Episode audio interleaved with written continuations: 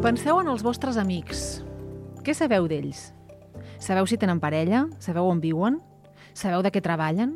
Heu parlat alguna vegada de sexe? Heu compartit o han compartit amb vosaltres alguna preocupació? Segurament, no? En molts casos la resposta és sí. I ara penseu. Sabeu quants diners guanyen? És curiós, no?, quan parlem de tantes coses i en canvi no compartim el que guanyem, no parlem dels nostres salaris. Ho sabeu dels vostres propis companys de feina? Sabeu quan guanyen ells? Bé, doncs això té conseqüències. De fet, segons la pròpia organització del treball, augmenta les desigualtats i les bretxes salarials.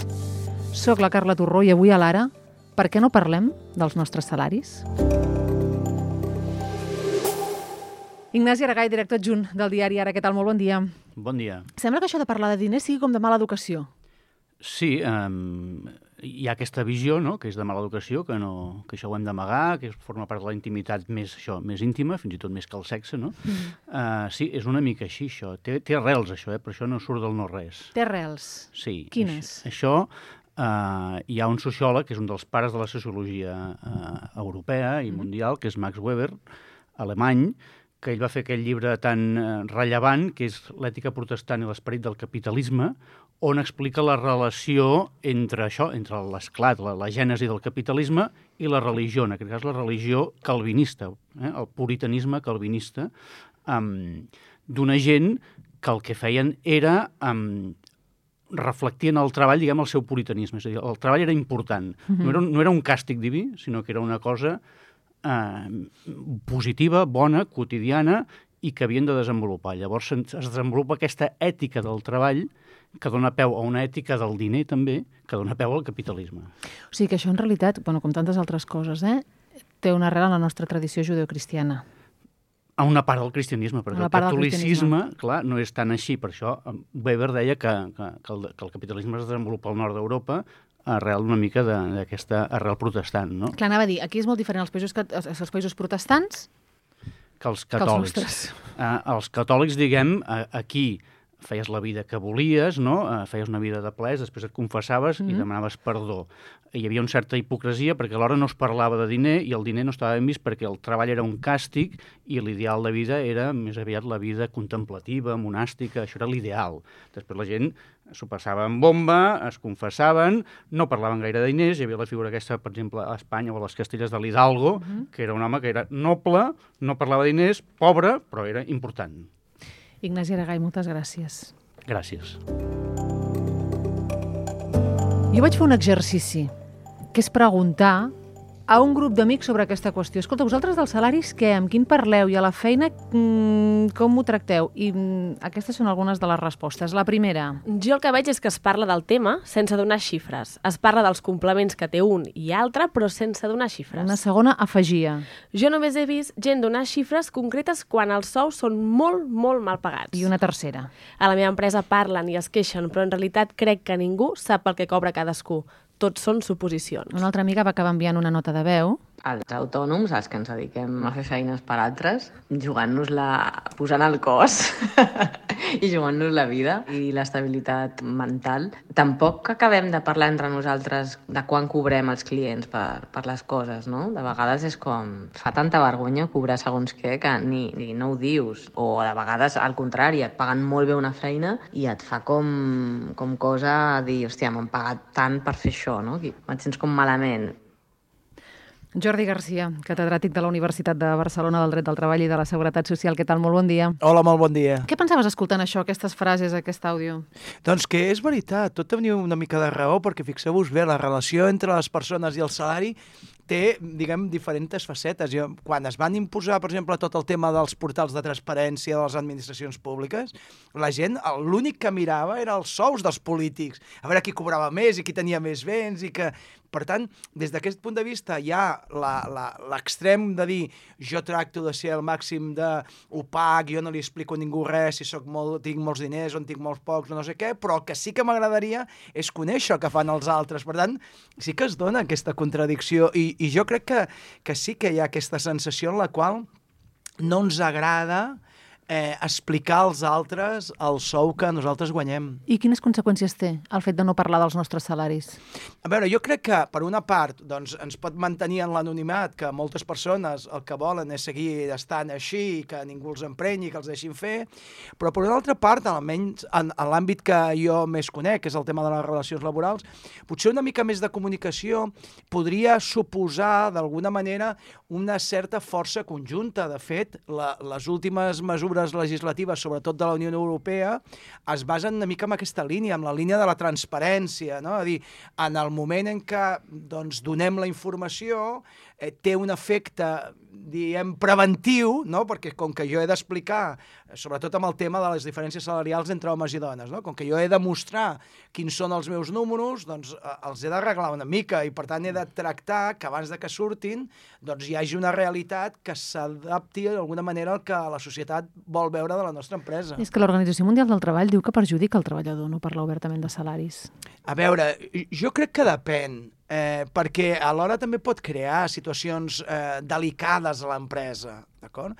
Però jo crec que en general eh, podríem trobar un mecanisme, diguem, intermig, no? que permetés que al parlar d'aquestes qüestions podés eh, donar una mica més de força en aquells treballadors que cobren poc o que haurien de cobrar menys.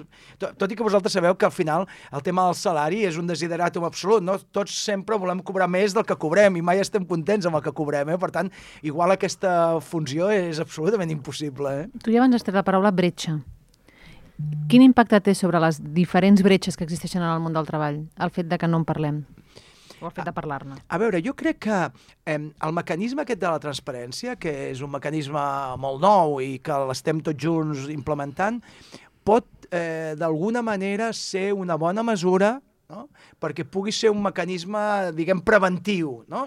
Ja no es tracta de perseguir aquelles situacions il·legals de diferències injustificades entre homes i dones, sinó que intentem veure que no es produeixin. I, per tant, des d'aquest punt de vista, tots aquests mecanismes jurídics, socials, eh, que són abans de que es produeixin, jo crec que són molt positius. I un d'ells, d'alguna manera, no sol és compartir els salaris amb els representants dels treballadors, amb els sindicats, que és el que s'està produint ara, sinó que també hi hagués una certa, diguem, sociabilització d'aquestes dades i que permetés dir, doncs, tots cobrem igual, o tots els que fem una mateixa feina cobrem igual, o no és així.